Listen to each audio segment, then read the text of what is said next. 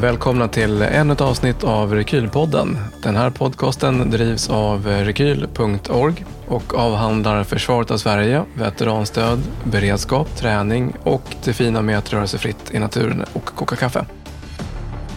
Till eh, dagens avsnitt så har vi en väldigt speciell gäst. Men innan vi kör igång så vill jag passa på att tacka dig för en fantastisk militär karriär. Där du har börjat som eh, kustjägare, gått vidare på A-dyk, varit aktiv i Kustjägarskolan och även Fallskärmsjägarskolan.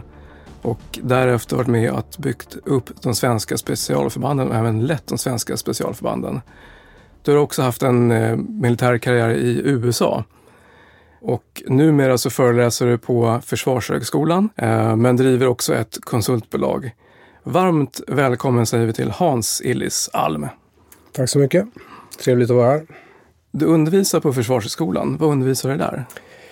Jag har framförallt två stycken eh, valbara kurser, sådana här 7,5 poängskurser som eh, är inriktade på specialoperationer mm. eh, och specialförband. Så det har ju lite med mitt förflutna att göra. Och sen så är jag också med och deltar i arbetet med någonting som heter Center of Special Operations Research som är en, som framgår av namnet så, så är det då inriktat på just det ämnesområdet och den funktionen av, av Försvarsmakten. Så att vi, vi jobbar med forskning där och eh, främst de som är akademiker då eh, men, eh, och utbildning naturligtvis. Så att, eh, sen deltar jag lite i den andra utbildningen också så att det, det är en väldigt eh, inspirerande och eh, roligt jobb som jag har. ja, men det kan jag tänka mig. Vad, vad, vad rent konkret händer på de här föreläsningarna? De här kurserna har egentligen eh, lite olika inriktning. Den, den ena kursen handlar om mer grundläggande teorier och eh, doktrinära principer runt användande av specialförband. Och där använder vi oss mycket av fallstudier för att konkretisera det här och eh, naturligtvis eftersom det är en, en utbildning på avancerad nivå så, så är det mycket litteraturstudier som kombineras då med, med föreläsningar och seminarier.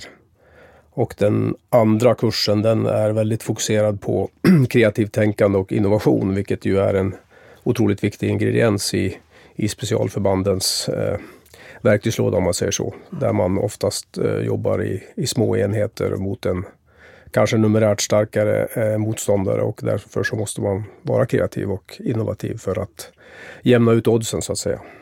Ja, men precis. Jag kan tänka mig att den står lite grann stick i stäv mot en ganska rigid eh, utbildning och kanske att man, eh, man har vissa ramar som man inte kan röra sig utanför i vanliga fall. Men att i specialförbanden så krävs att man kan tänka utanför ramarna. Ja, det är ju faktiskt ett, ett grundläggande krav som vi också lägger ganska mycket tid på att, att försöka ta ut personer som har just, just de egenskaperna. Så att det är inte bara stora biceps och sånt som är, som är viktigt utan tvärtom så är det det man har mellan öronen som jag vill påstå att är det viktigaste. Är det någonting som du tror att man kan eh, ska man säga, lära sig eller utvecklas under sin militära karriär? Eller är det någonting som man har? Det är nog lite av, av båda skulle jag vilja säga. Eh, naturligtvis har väl alla människor någon uh, typ av, av, kreativitet och innovationsförmåga i sig. Men sen om man låter den blomma så blir den säkert bättre men, men är man i en organisation där, där inte det får ske eller växer upp under sådana förhållanden så naturligtvis kan ju det bli en, en hämmande faktor för, för en individ och därmed för en organisation då som består av hämmade individer. Mm. Så det är väldigt mycket en kulturell fråga i en organisation att, att eh, släppa loss den här kreativiteten. Sen måste den ju förstås styras i någon, någon riktning som ger en operativ eller taktisk effekt också. Eh, och inte bara eh, att den är liksom helt fri. Men, men eh, genom specialförbandens litenhet så, så kan man ju tillåta sig mer av den varan än man kanske kan i ett stort, eh, låt säga pansarförband eller så där, där eh, det, det, finns liksom inte riktigt samma utrymme för att, att blomma ut. Ja, men precis. De som kommer dit då till, till eh, den här utbildningen, är de inne i specialförbandsvärlden eller är de på väg in dit? Eller vill de bara lära sig om metodiken? Eleverna på Försvarshögskolan? Mm.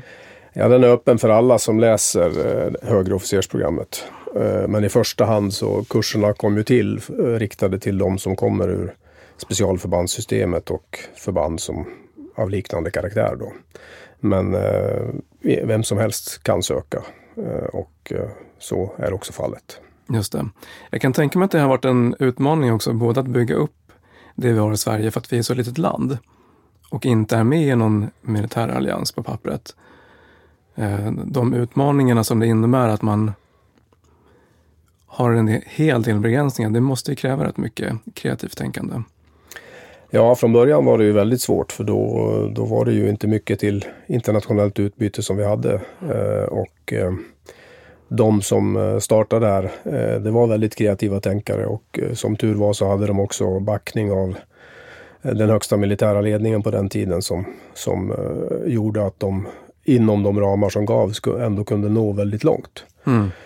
Sen när det började bli mer av internationella operationer där vi deltog i till exempel NATO-operationer så öppnades det också sakta upp mot, mot att vi, vi så att säga kunde umgås med, med NATO-länder. Inte NATO som organisation men, men NATO-länder. Och sen Afghanistan har ju eh, egentligen öppnat upp väldigt många portar också mot, mot NATO som organisation och också vårt partnerskap med NATO naturligtvis. Så att det har skett väldigt stora förändringar. Och det har det också gjort inom NATOs specialförband i för länge sedan, när, eh, 2005 någonstans, och då bestämde man sig för att öppna upp lite grann och då var det väl en, en handfull människor som satt på Shape eh, och skötte med, med specialförband eftersom det ansågs vara en, en nationell angeläg, mm. angelägenhet främst då. Men eh, sen så gjorde man en väldigt stor transformation eh, under 2000-talet här och eh, runt 2010-2012 någonstans så inrättar man ett NATO Special Operations Headquarters med, som idag består av flera hundra personer. Så att det, det har hänt väldigt mycket också inom specialförbandsvärlden i form av att man eh, vågar utbyta eh, erfarenheter och arbeta tillsammans. Och egentligen har varit tvungen att göra det också under Afghanistan och, och sådana insatser. Mm. Ja, det kanske var så att den eh, insatsen i Afghanistan blev lite grann som en eh, motor för fortsatt samarbete med andra specialförband? Ja, det har det ju varit inom ramen för ISAF har ju, har ju den här saken då vuxit eh, ganska mycket och inledningsvis var ju ledarskapet för, för ISAF som, som den här, vad ska man säga, multinationella operationen hette. Det var ju då först britterna och sen om jag inte missminner mig Turkiet och sen togs den då över av, av NATO som organisation. Mm. Sen har ju då USA också tillsammans med ett antal andra länder parallellt drivit en annan operation. Då, så att, eh, men där har inte vi varit med från svensk sida. Mm. Just det. Ja, men du har ju, alltså din karriär är väldigt fascinerande. Att du har under så lång tid hållit i den här världen och kunnat liksom varit med och bygga upp den. Berätta om din drivkraft och liksom din motor i den, den här världen. Drivkraften har väl varit att eh, jag tycker om att eh, gå ut på lite tunn is och vara med och utveckla eh, saker och eh, nyfiken på att lösa eh, olika problem. Så att jag är väl, om jag ska definiera mig själv mer av en entreprenör än jag är en förvaltare. Så att eh, det har, jag har hela tiden jobbat med olika projekt, även under tiden på Kustjägarskolan då med, med överlevnad som startade upp där och sen på Fallskärmsjägarskolan med Eh, den marina biten och ytsim och sådana saker och fällning i vatten och så. Så att, eh, så att eh, jag har alltid gillat att eh, ta tag i och utveckla något nytt som jag också har trott på och tyckt att det har behövts för att utöka verktygslådan. Mm. Och det var ju fantastiskt att komma in i specialförbanden för det var ju Även om de var en bit på väg och det var en väldigt bra grund lagd så, så fick jag vara med under ett väldigt dynamiskt skede då vi egentligen gick från ett förband till att bli mer av ett system. Och eh, sen när grunden för det var lagt så då, då lämnade jag över stafettpinnen till, till andra som, som tog det här vidare och har gjort det väldigt bra. Just det. Men det här att bygga ett system från grunden, det kan inte ha varit helt enkelt? Nej, det, det är ju lite grann som att hitta rätt bostad ungefär. Att uh, det är lite timing och det är också uh, i bostadsvärlden så är det location, location, location. Men, men i den här världen så är det ju att ha kloka och förstående chefer som uh, tror på det här och ser till att, att uh, möjliggöra att man uh, kan skapa någonting nytt. Mm. Och det har vi haft turen att ha under årens lopp här. Just det. Och sen då, när du var klar med och lämnade över stafettpinnen, vad tog du vägen sen? Sen åkte jag till USA och gick en mastersutbildning där. Och när den var klar så kom jag hem en kort stund och sen åkte jag till EUs militära stab i Bryssel och tjänstgjorde där i tre och ett halvt år. Så att jag kan säga att jag bytte bana helt och hållet från en mer eh, operativ roll till att eh, mer gå in mot strategi, policy och sådana saker. Mm. Sen var jag hemma en kort sväng eh, under två år och jobbade också då med, med försvarsforskning och eh, strategisk analys, perspektivstudie, sådana saker, doktrin. Egentligen en fortsättning lite grann på det jag gjorde i EU. Och sen har jag haft två två stycken vändor i amerikanska staber. Eh, först i US Centcom i, i Florida i, där man framförallt sköter operationerna i Mellanöstern då. Där vi deltog från svensk sida också. Och därefter i, i Stuttgart vid US European Command och också Africa Command som ligger där. De ligger på med sju kilometers mellanrum. Så att, eh, men huvudsakligen European Command då. Mm. Som för övrigt var ett ganska avsomnat eh, sån här combatant command in till väldigt nyss då. Eh, då saker och ting har, förändrats. Ja, nu är det lite mycket. mer liv i luckan om man säger så. Ja. Alla var alltid avundsjuka på Centcom för de fick alla resurser och de var involverade i så mycket. Men, och, ja. men eh, ja, nu det fortsätter ju i Mellanöstern, det är ju inte över. Fast vi ser inte så mycket om det, men, men fokus är ju, är ju mot Europa nu. Ja, men precis. Precis som du var inne på, det, det, det händer kanske egentligen mer nu än vad det hände tidigare. Men vi ser det inte för att det är så mycket annat som... Eh, det, det hinns liksom inte med på löpsedeln längre. Nej, verkligen inte. Men man ska ju inte låta lura sig att det inte finns bara för den sakens skull. Nej, men precis. Verkligen. Och det är mycket som händer i andra delar, även i Afrika, men framförallt i Mellanöstern. Eh, och även inre Asien händer också grejer, så det, den är intressant. Men du, om vi kollar på eh, utmaningen, för det här det spiller liksom över till Sverige här och nu. Vad, vad ser du att vi står inför utmaningar utifrån det som du kan observera nu? Ja, för att vara krass så står vi väl inför allt för många utmaningar på en gång. Eh, det är ju många saker som, som, eh, som påverkar oss nu. Och de här utmaningarna finns ju både på ett nationellt som individuellt plan. Eh, tycker jag då.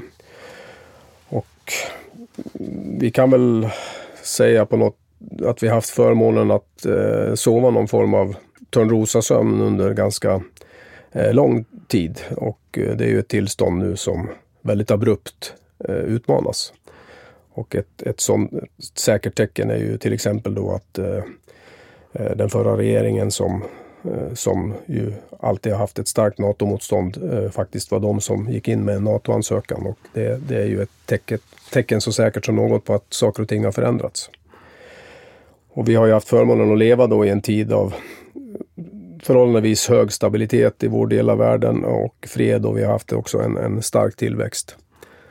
Och som nation har ju också Sverige kunnat njuta förmånerna av ett fungerande internationellt system, vilket ju är otroligt viktigt för en, en liten stat. Och eh, FN har fungerat hyggligt, långt ifrån perfekt, men, men det har ändå varit ett, ett organ som, som har eh, kunnat hantera en hel del av de eh, problemen som har varit internationellt. Eh, internationell lag har i huvudsak respekterats och eh, eh då har ju det blivit så att vi i Europa har eh, valt att eh, fokusera på annat än, än eh, statens kärnuppgifter som säkerhet och så för att vi har tyckt att vi har haft råd med det. Så att det har ju varit välfärdsfrågor och, och eh, tillväxtfrågor som har varit de, de eh, främsta och eh, försvaret inte bara i Sverige utan även i andra länder har ju fört mm. en väldigt tynande tillvaro. Och sen har vi ju också, landet har ju förändrats så att när man pratar totalförsvar så förr var det ju Televerket och Statens järnvägar, det var ju statliga bolag. Idag är det ju en, många privata aktörer som, som äger samhällsviktiga resurser och driver dem. Så att det är ju en, en ny värld och det innebär också många utmaningar när vi ska bygga upp totalförsvaret igen. Det går inte bara att ta en blueprint på det gamla, eh, tycker jag. Men eh, nu utmanas ju det här, eh, inte minst eh, naturligtvis av Rysslands anfallskrig men också det brev eh, som man eh, skickade till, till eh, övriga stater här i december tror jag det var. Och det, det var ju rätt långtgående krav man hade på omvärlden som egentligen omkullkastar allt eh, av mm. det som har varit ordningen efter andra världskriget. Så att eh, den främsta utmaningen för oss är väl kanske att försöka se världen som den är och inte som vi önskar att den skulle vara. För att det tror jag är rätt viktigt för att få en, eh, kunna angripa eh, utmaningarna på rätt sätt. Ja men verkligen, och jag menar, ju förr desto bättre. Det är, jag tror att det finns nog en lucka mellan hur illa man tror att det är och kanske hur, hur det egentligen är. Ja, det, det tror jag också. Och, eh, eller det är jag rätt övertygad om att, att det är. För man vill ju naturligtvis eh, se saker eh, på ett positivt sätt. Och eh, vi har ju alla våra, våra filter som vi använder när vi tittar på världen. Mm. Och då kanske sådana som jag är mer av krösa-Major eh, medan andra då eh, tittar lite mer rosy på eh, hur det är. Och eh, sanningen ligger väl kanske någonstans mittemellan. Men jag tror att vi, vi är nog, eh, vi står inför en tid som, som kommer att vara tuff. Och eh, jag tror också att det är en utmaning för för oss som individer i Sverige också, för vi har ju naturligtvis blivit formade av den tid vi har levt i. Eh, och väldigt många idag minns ju inget annat än att det har varit ständigt ökat välstånd och eh, mm. materiellt och vi har haft det bra och, och, och, livet har egentligen blivit bättre och bättre. Och eh, det gör ju kanske också att vi man kan ifrågasätta om vi har den spirit som till exempel ukrainarna har visat eh, och stå upp för, för det vi tror på och tycker att det är värt att försvara. Eh, jag vet inte. Jag hoppas att jag har fel. Ja, tittar man på Ukraina så de har ju haft åtta år på sig att förbereda sig på nästa våg så att säga. Så de, har ju, de var ju säkert tagna på sängen också som alla andra 2014. Men efter dess så har de levt ett helt annat liv med ett helt annat mindset än vad vi resten av väst har gjort. Så de har ju ett sånt, vad ska man säga, praktiskt försprång helt enkelt av att agera i en konfliktzon och en konfliktmiljö. På hemmaplan till och med. Jo, det har de. Och sen har de ju också minnen från, eh, den äldre generationen har ju minnen från en annan tid och, och eh, uppskattar säkert den frihet som, som man har fått efter eh, att man blev en suverän stat. Ja men precis som du är inne på, men det, för oss i Sverige och i väst, vi kommer inte ihåg någonting annat i princip. Vi som har vuxit upp, vi har liksom inte upplevt, de flesta har inte upplevt krig. Nej. Om man inte har tjänstgjort som militär såklart. Eh, men annars så är det en eh, ganska, ganska behaglig uppväxt. Eh, och tittar man på det här brevet som du nämner då, som Ryssland skickade ut. Om vi kollar på intentionen i den, vad innebär den egentligen? Ja, den innebär ju i någon mening någon typ av eh, återgång till ett Jaltafördrag eh, där, där man så att säga delar in världen i intressesfärer mellan mm. stormakterna och eh, den som då äger den intressesfären dikterar villkoren mer eller mindre för de stater som ingår där.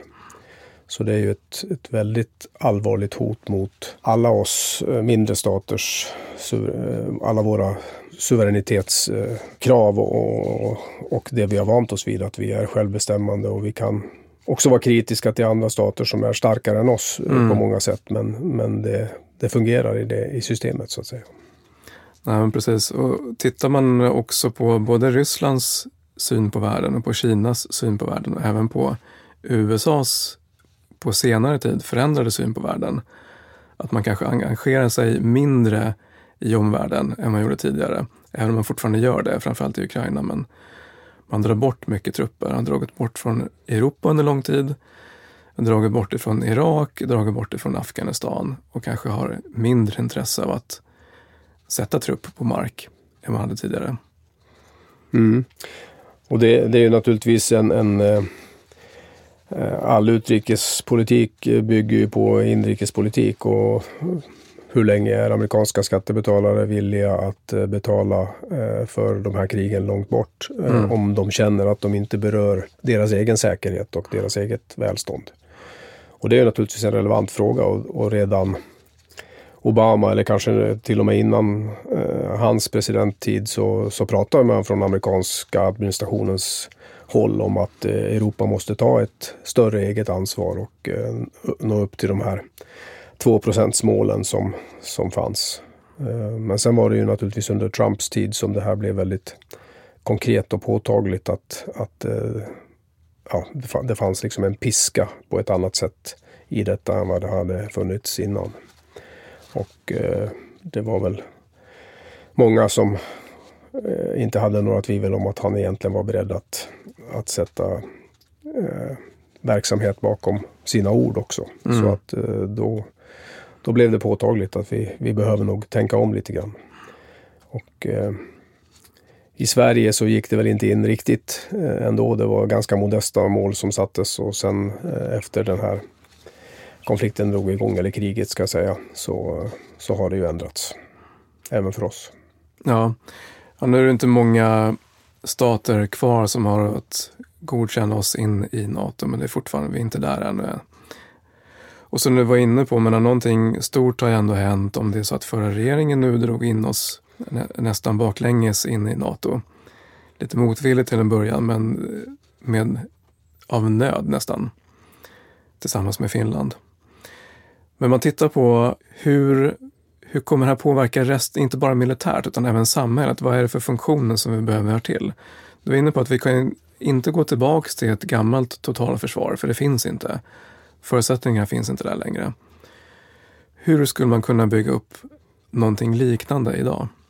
Ja, det finns säkert de som har studerat det i detalj hur man ska göra men, eh, men först och främst så man får ju börja och bygga eh, nerifrån tänker jag. Eh, och, men uppifrån se till att möjliggöra det här och det handlar ju på individnivå och det kommer vi kanske in lite senare på i podden här. Men att man från, som MSB har gjort till exempel, skicka ut den här broschyren. Men man kanske också behöver påverka människor mer till att också eh, göra verkstad av det som står där. Mm. Men sen handlar det också om eh, kommunerna och, och länsstyrelsernas krisberedskap och att man ser till att de statliga funktionerna fungerar. Och sen så eh, kommer man ju att behöva ingå avtal med olika näringsidkare, apoteken till exempel och sådana att man då ska lagerhålla vissa saker och det eh, är väl sannolikt inte gratis eh, heller. Mm. Så att, eh, men det handlar ju om att man måste föra en, en, aktiv dialog med, med alla aktörer som är viktiga för totalförsvaret och därmed då steg för steg eh, höja eh, vår motståndskraft och, och eh, vår förmåga att stå emot.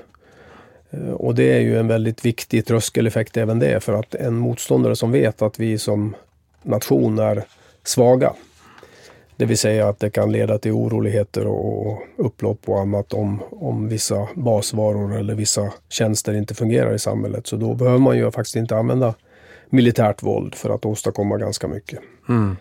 Så att det är en väldigt viktig funktion att, att samhällets övriga resurser, förutom Försvarsmakten, eh, fungerar. Både privat och, och offentligt. Ja, men precis. Och som vi var inne på tidigare, du har skrivit en bok som heter Är du beredd? Som är, heter Råd och tips för hushållets krishantering. Vad skulle du säga är de viktigaste delarna ifrån eh, din bok och ditt häfte här som man kan ta med sig? Ja, jag kallar den för en folder för den är ganska tunn och den, den är tunn med avsikt för att den ska vara eh, väldigt enkel eh, att ta till sig. Och det handlar inte om att överleva i öknen eller något annat utan den, den mest sannolika situationen eh, som startpunkt för att man befinner sig i en kris det är att man antingen är hemma eller på sin arbetsplats. Snarare än att man befinner sig på fjället eller långt ute i skärgården. Så den, den bygger på, på ett sådant scenario. Eh, och därmed så har man ju också ganska mycket saker hemma. Man har kastruller, kokkärl, man har sannolikt eh, batterier, man har någon ficklampa, man har sovsäckar eller man har täcken och sådana saker. Så att eh, det finns mycket av de här basgrejerna som, som gör att man, man kan klara sig. Men det kräver ju också då att man har sakerna samlade på en plats så att man hittar dem när strömmen har gått och det är mörkt. Och eh, det kräver också då att man vet hur man ska använda de här sakerna. Ett spritkök, eh, har man aldrig använt det så kan ju det eh, leda till en, en hel del eh, krångel att få igång det och lägger man då på att eh, man samtidigt befinner sig i en situation där man också är stressad och orolig över någonting och det kan ju vara allt ifrån en storm, dåligt väder till eh, krigshandlingar. Så att det, handlar ju inte bara om, om krig, långt ifrån. Men, men eh, att man har ordning på sina grejer och man har sina prylar på ett ställe som man lätt kan hitta eh, och att man har tänkt igenom och övat på hur man ska använda dem. Då har man kommit väldigt långt. Mm. Och nu har vi ju sedan flera veckor tillbaka läst om att det bedömt kommer att stängas av eh, el för hushåll. Att det inte bara det kan bli så, utan det är snarare att det är rimligt att det blir så. Och bor man då i ett sådant område där det kan komma att stängas av, då kan det vara mer än vettigt att se över all sin beredskap, som man som säger. Inte vaknar upp mitt i natten och sen så är det mörkt och så inte hittar, hittar igen alla grejer och inte vet hur det ska koka kaffe på morgonen. när Man som mest behöver den. Nej, precis. Och det, det är ju verkligen det, jag brukar säga att det, det, är inte rocket science det här. Eh, man kan göra det hur krångligt som helst. Men eh, tricket är ju att göra det enkelt mm. så att eh, vem som helst egentligen kan, kan klara sig. Och det är ju lite syftet med just den här foldern då att vända sig till, till vanliga hushåll som varken är preppers eller, eller eh, friluftsexperter på något sätt. Utan... Mm. Men just att bara sätta upp en enkel plan för vad man gör ta en vanlig scenario och planera upp för det. Du kan ju berätta om den episoden i Tampa, den du var med om. Eh, där du verkligen satte upp en plan, för det fanns en, en reell risk eh, för en naturkatastrof. Och det har man på grund av att det, det ligger där det ligger helt enkelt. Eh, men berätta om den tiden i USA där du både jobbade och hade din familj säkert. Mm. Ja, Florida ligger ju i ett sånt här eh, område som ofta drabbas av orkaner. Det är ju alla de här staterna som ligger runt Mexikanska golfen då, där det blir varmt vatten och sen får man in de här ovädren eh, från Atlanten. Och eh, jag var där tillsammans med min familj mellan 2016 och 2018 och eh, eh, redan när vi kom dit så fick man ju genomgå eh, ett antal utbildningar i vilken beredskap man rekommenderades att ha hemma och vad man skulle, sådana här goda råd utifrån de erfarenheter man har dragit. Och det var ju väldigt bra. Samtidigt eh, lite grann då som, som svensk så, så tänker man ju, precis som jag var inne på i början här, att det händer nog inte oss när jag är här. Och det hade inte hänt i Tampa på ganska länge heller. Men Eh, det fanns en, en eh, nödplan som var upprättad av den svenska kontingenten som vi eh, såg över och med min bakgrund med det här med överlevnad och sånt så, så insisterade jag också på att vi skulle se till att varje familj hade ett sånt här eh, kit. Det saknades då med, med dels att man hade lite rations, så man hade mat. Eh, alla skulle ha ett visst antal liter vatten hemma. Eh, bensindunkar så att man hade extra bensin till, till fordonen. Och eh, att man hade lite sådana här spritkök och, och sådana saker som man då eh, behöver när, när strömmen går. Så de förberedelserna hade vi vidtagit och vi hade också eh, kriterier klara för oss att om eh, prognosen är att det kommer en, en orkan av en viss styrka, då ska vi ta beslut om att, att lämna området, att evakuera. Och det är ju ingenting som man gör lättvindigt. Helst vill man ju stanna kvar. Och det gör ju också många människor naturligtvis.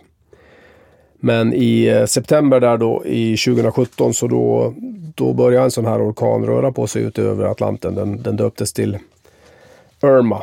Och eh, det fanns ju då lite olika tänkbara spår för den här eh, under det inledande skedet. Eh, man prognostiserar ju vart den ska gå någonstans. Och eh, man delar också in eh, orkaner i olika kategorier från 1 till 5. Och eh, om det då är en sån här kategori eh, 5 eh, orkan så då räknar man med att den egentligen förstör allt som är i dess väg. Man har vindstyrkor på upp till 252 kilometer i timmen Och eh, det blir också väldigt stora flodvågor som dras upp så att man kan räkna med att upp till en sju kvarter från strandlinjen så kommer det att bli översvämningar på upp mot kanske 6-10 mm. meter till och med. Och eh, är det en femma så då, då, då rekommenderar ju man ju en total evakuering. Men även fyran är då eh, katastrofisk i sin eh, natur. Så att den var ju ganska stark först och sen kom den in mot Karibien och då, då började den liksom speeda upp och uh, man prognostiserade den till en fyra eller femma. Mm. Och uh, mer och mer uh, träffsäkert kunde man ju också lägga in spåren på den här. Och då följde vi faktiskt den planen som vi hade upprättat och i den så hade vi gjort bedömningen att är det en, en orkan av kategori 4 eller 5 så då, då ska vi evakuera. Och eh, egentligen så fick vi klart för oss det här på måndag. Och då hade vi lite möte på jobbet och sen så eh, beslutade vi att eh, förbereda evakuering. Och sen på tisdag så tog eh, jag som chef då för kontingenten beslut om att vi, vi skulle evakuera på onsdag. Och då var vi eh, ja, fem stycken familjer med, med barn och husdjur och, och så vidare. Så att eh, det som, som vi gjorde var ju att packa bilar med det som vi ville ha kvar. Vi försökte de som hade tvåvåningshus bar upp möbler på övervåningen och i princip tömde undervåningen eftersom vi i bästa fall så skulle inte vattnet bli högre än så. Och sen på arbetsplatsen så fick vi ju då säkra all, all känslig utrustning och så vidare så vattensäkert som, som det gick. Och sen så lämnade vi på onsdag. Och eh, under tiden som vi hade gjort våra förberedelser så, så var det väldigt dramatiskt det som hände i, i Tampa där. Trots att människor är hyggligt väl förberedda där så blir det plötsligt helt tomt i affärerna på vissa varor. Det finns inget vatten att köpa till exempel. Bröd och alla, väldigt mycket konserver, allt sånt är borta. Eh, det börjar ta slut på bensin eh, på bensinstationerna för det kommer inte in nytt drivmedel. Eh, man posterar ut poliser på polisstationerna för att inte folk ska börja skjuta varandra eller slåss för att få tanka sin bil. Så att det blir en otroligt påtaglig, eh, lite domedagsstämning vill jag påstå. Det var, det var ganska läskigt eh, att, känna det där. Och det blir... Men då är ni redan igång och har inlett evakueringen?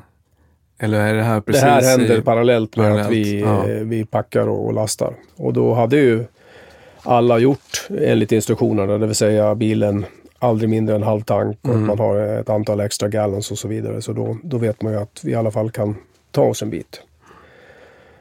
Sen eh, var det en, vi hade inte i det läget eh, förberett eh, olika alternativ var vi skulle åka, så det var en svaghet i vår plan.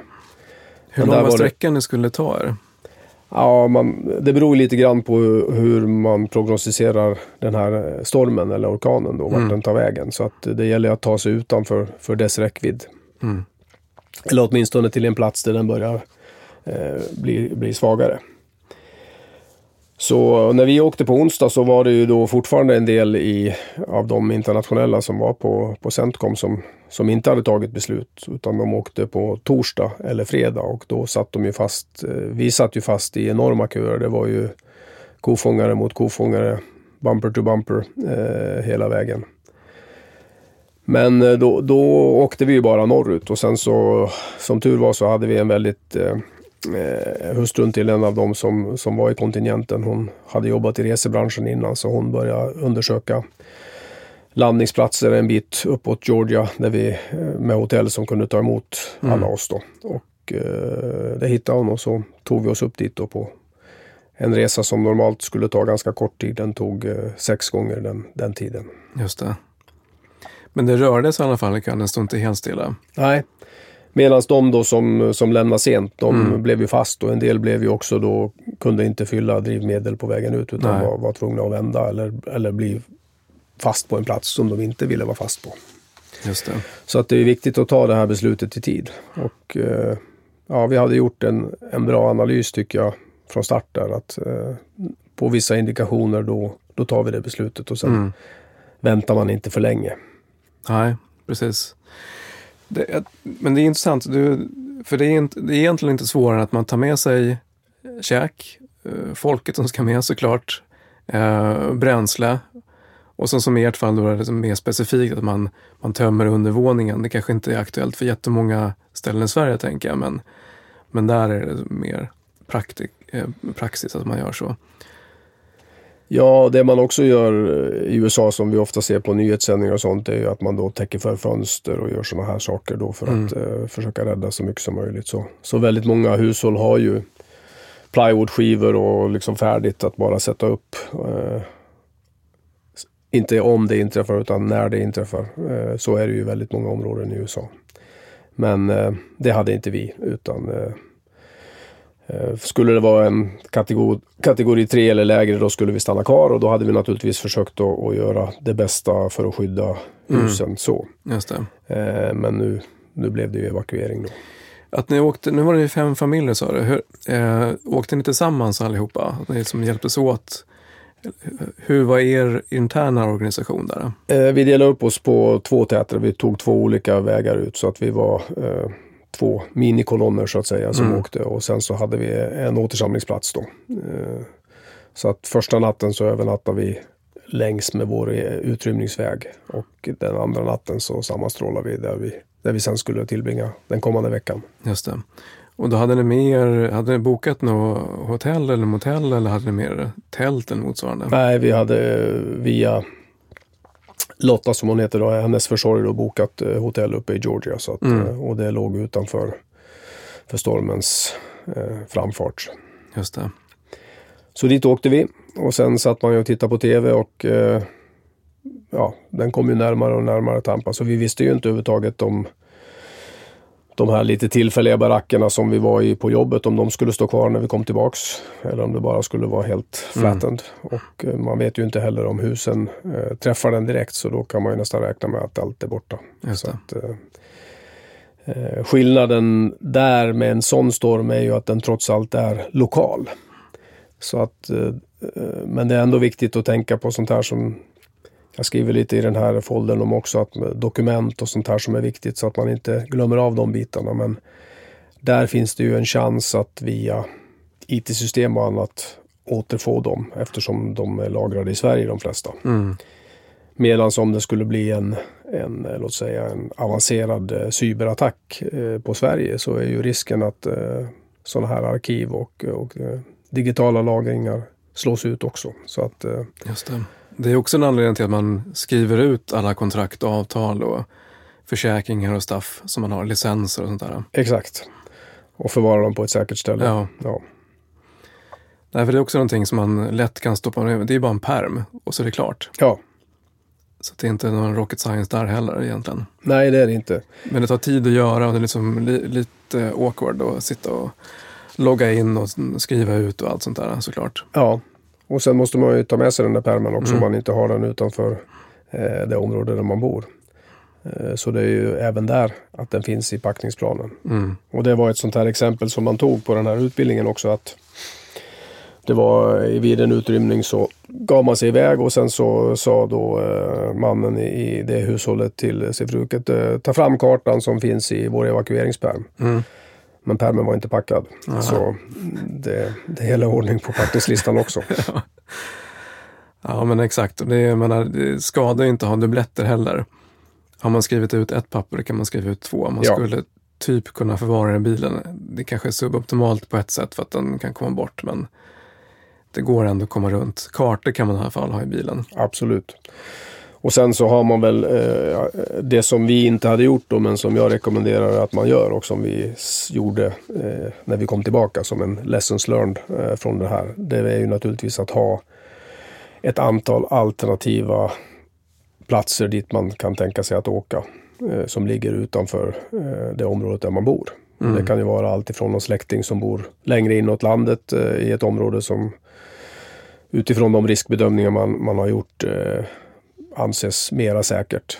Eh, beroende på vilken typ naturligtvis av, av kris som inträffar. Men, men eh, bor man i storstäderna till exempel så är det ju sannolikt att det är då eh, områden som blir väldigt utsatta om det skulle inträffa dåligt väder. Men skulle det också bli krigshandlingar så är ju naturligtvis det primära mål för en, för en motståndare också. Och de som kan eh, tänker sig nog att lämna. Ja, vi snackade ju förut om eh, scenariot med Stockholm som har väldigt många vattenvägar och väldigt sårbart med alla broar och eh, infrastruktur. Eh, att det var ganska länge sedan man, man stresstestade storstan på en evakuering. Jag tror att det var på 60-talet om jag inte minns fel. Man provade senast. Ja, vi får hoppas att vi inte kommer dit, men vad, vad drog du för mer för slutsatser ifrån eh, evakueringen och hur kan du applicera det här på, i Sverige? Ja, en väldigt bra sak är ju naturligtvis att man har tillräckligt med eh, livsmedel hemma. Eh, och då är det ju bra att man inte alla ska köpa det när krisen står för dörren utan jag rekommenderar ju att man, man har en idé om den här uthålligheten vill vi ha. I foldern så pratar jag om 72 timmar men man, eh, nu pratar man ju faktiskt om sju dygn och det finns eh, en del scenarion där man pratar om ännu längre tid. Men det är väldigt svårt att lagra för för stora mängder också om man bor i en lägenhet till exempel i, i en stad. Medan det är lättare om man bor i en, en villa. Eh, men eh, eh, varför inte lägga till eh, en produkt per veckohandling så att man långsamt bygger upp eh, sin, sin eh, underhållssäkerhet.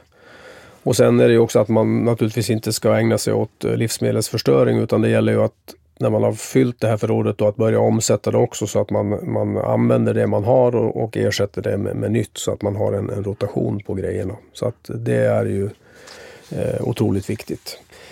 Eh, det är viktig, viktiga saker, de här eh, enkla grejerna som man pratar om att eh, om man har en bil och tänker sig att man ska evakuera med den, att man ser till att man inte parkerar den med, med tom tank eh, eller nästintill tom tank utan man har eh, ordentligt med drivmedel i bilen eller om man har en elbil att den är så laddad som möjligt eh, över tid.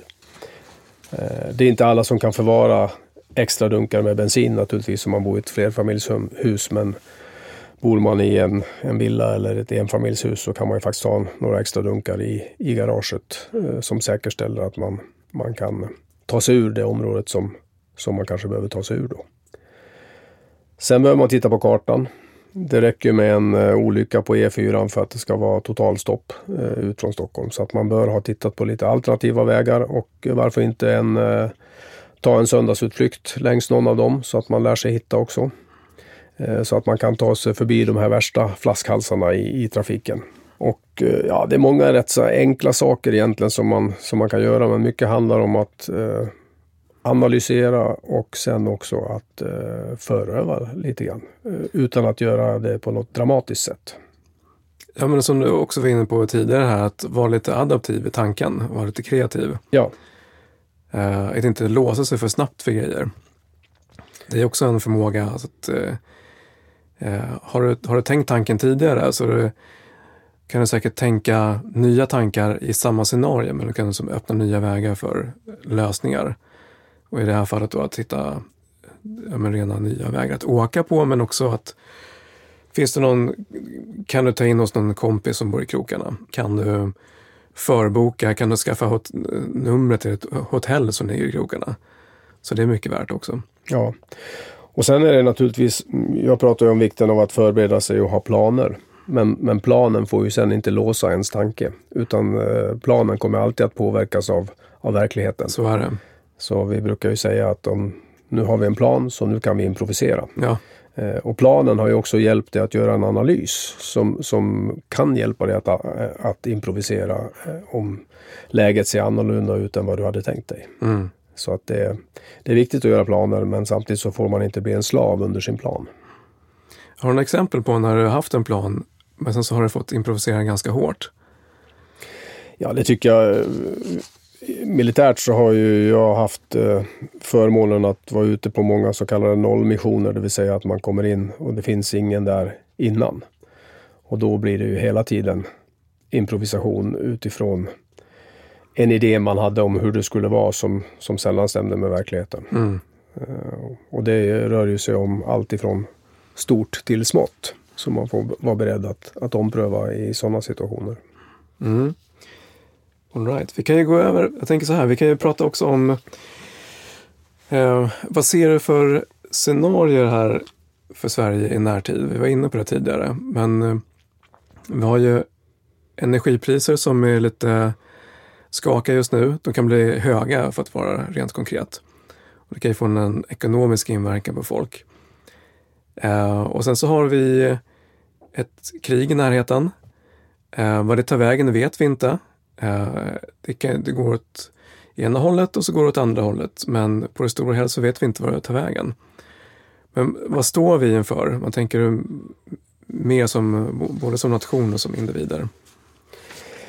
Ja, vi står ju naturligtvis inför ganska tuffa tider tror jag på många, många sätt. Eh, vi pratade ju om det här i början att, att eh, vi har haft förmånen att leva under väldigt goda levnadsförhållanden eh, länge.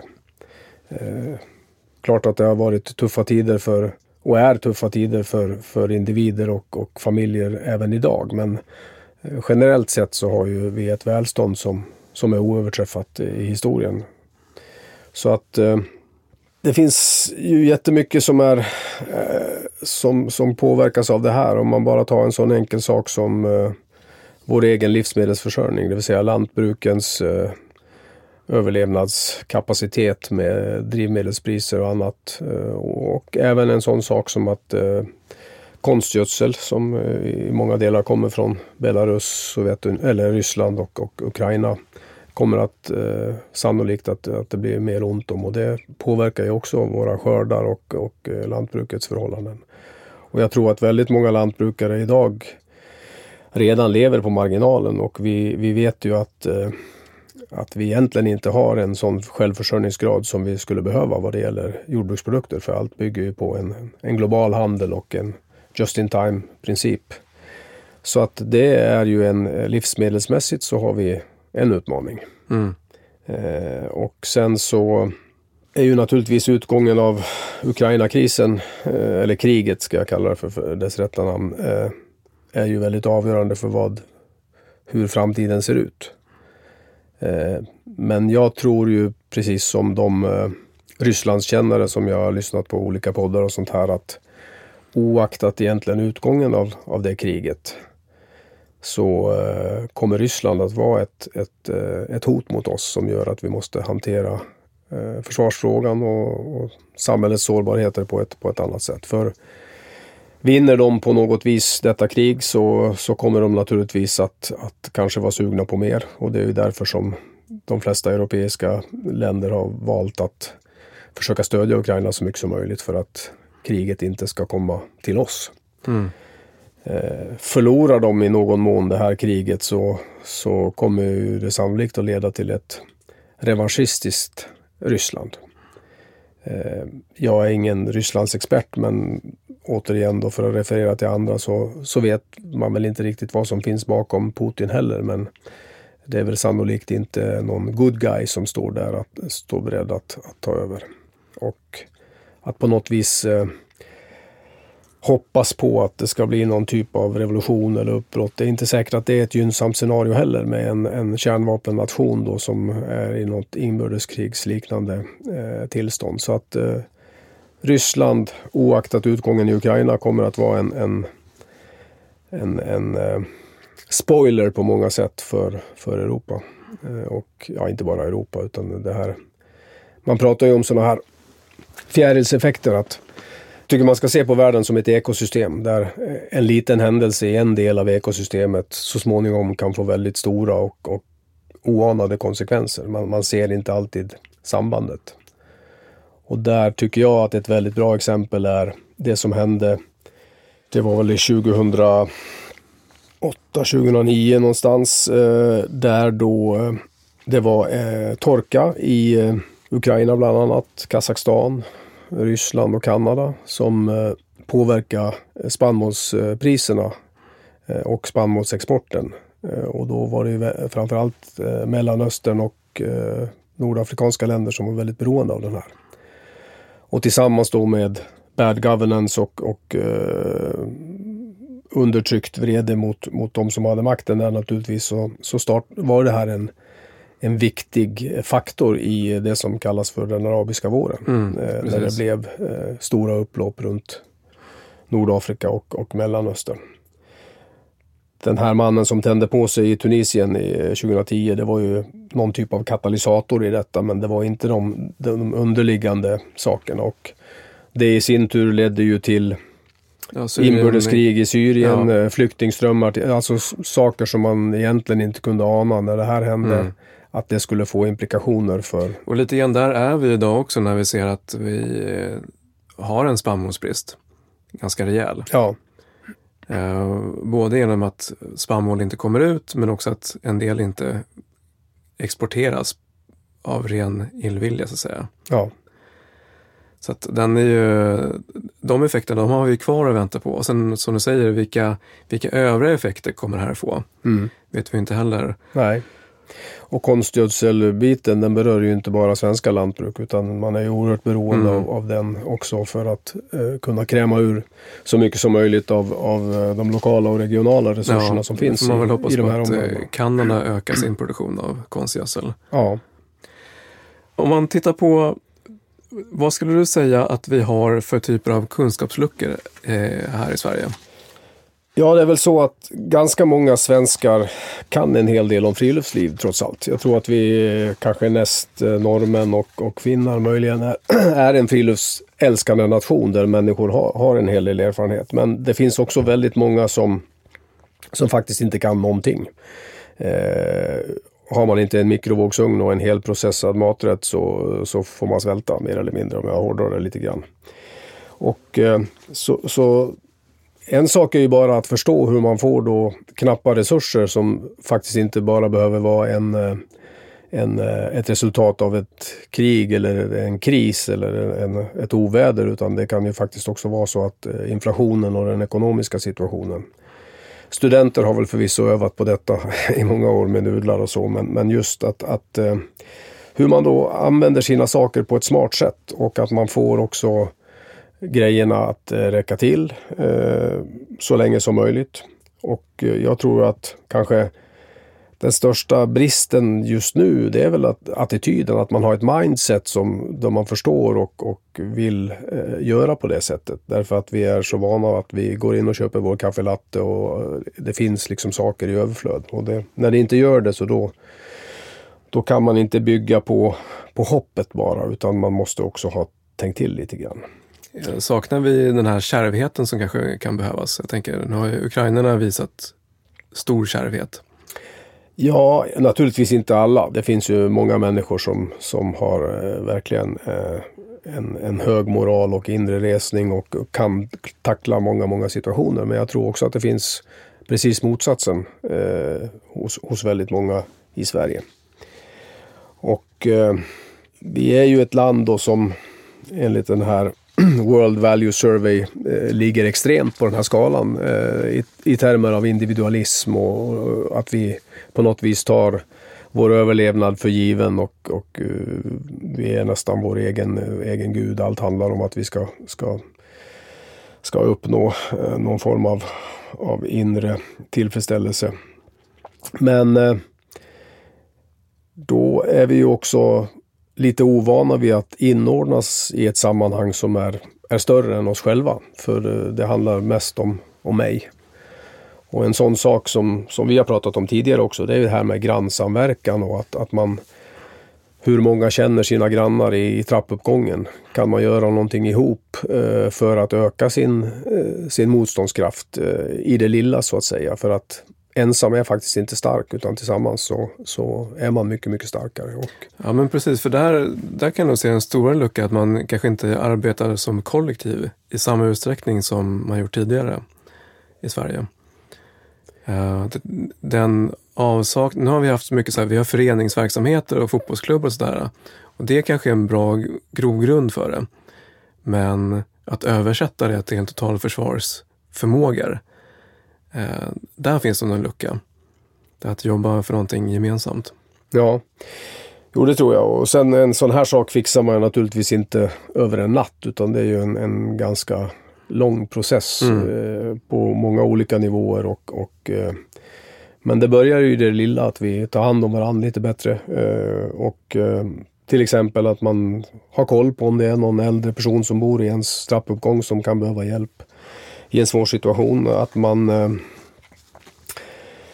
jag tror ju att skolan och, och, eh, och föreningar är, väldigt viktiga aktörer eh, i en sån här process. Men då måste man också ge dem verktygen och, och mandaten att, att hjälpa till i den. Mm.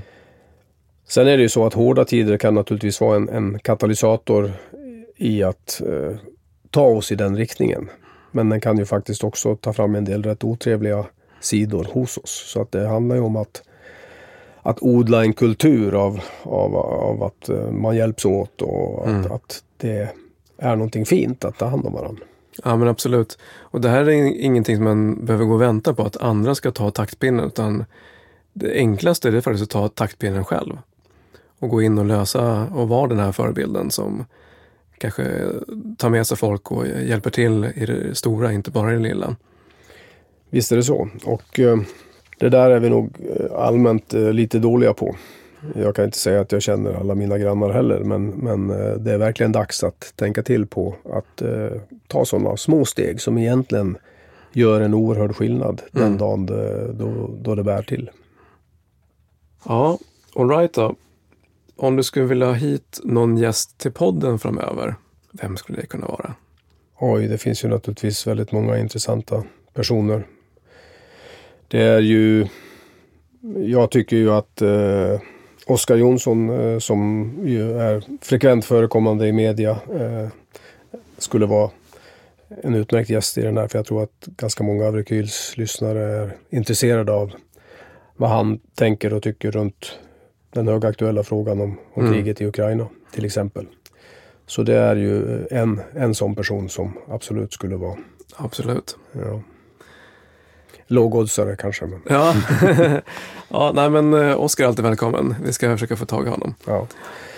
En annan som, som jag, jag tycker ju att det är oerhört viktigt att man har bra förebilder och role models eh, i samhället. Och jag är inte säker på att alla de influencers och dokusåpastjärnor som är, utgör den kategorin idag är de rätta för att klara framtiden. Nej, det är en poäng. Att det, det är mycket av det vi tar in i media är inte sånt som alltid gynnar oss om man säger så, i det långa loppet. Nej. Tänker ju på en som, en som jag själv har alltid varit otroligt inspirerad och imponerad av. Det är ju Börje Salming som, mm. som jag, jag, tycker har en, en, eh, han är ödmjuk men han har också ett, en vinnarskalle och en, mm. han är en sån här som är en teamplayer och offrar sig för laget och, och så. Så att det, han skulle ju vara fantastisk att uh, föra in som en, en bra exempel på en role model Just det. för lyssnarna. Ja, men bra där. Men sen har ju du också ditt eh, projekt med en eh, beredskapsbox. Jag tänker vi slänger ut den här till lyssnarna. För rätt som det är så är det någon som sitter på någon kontakt som kan få det här att hända.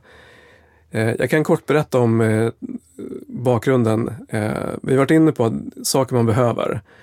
De flesta lyssnarna på den här podden, de har allt det här. Det är liksom inte ett eh, problem för dem.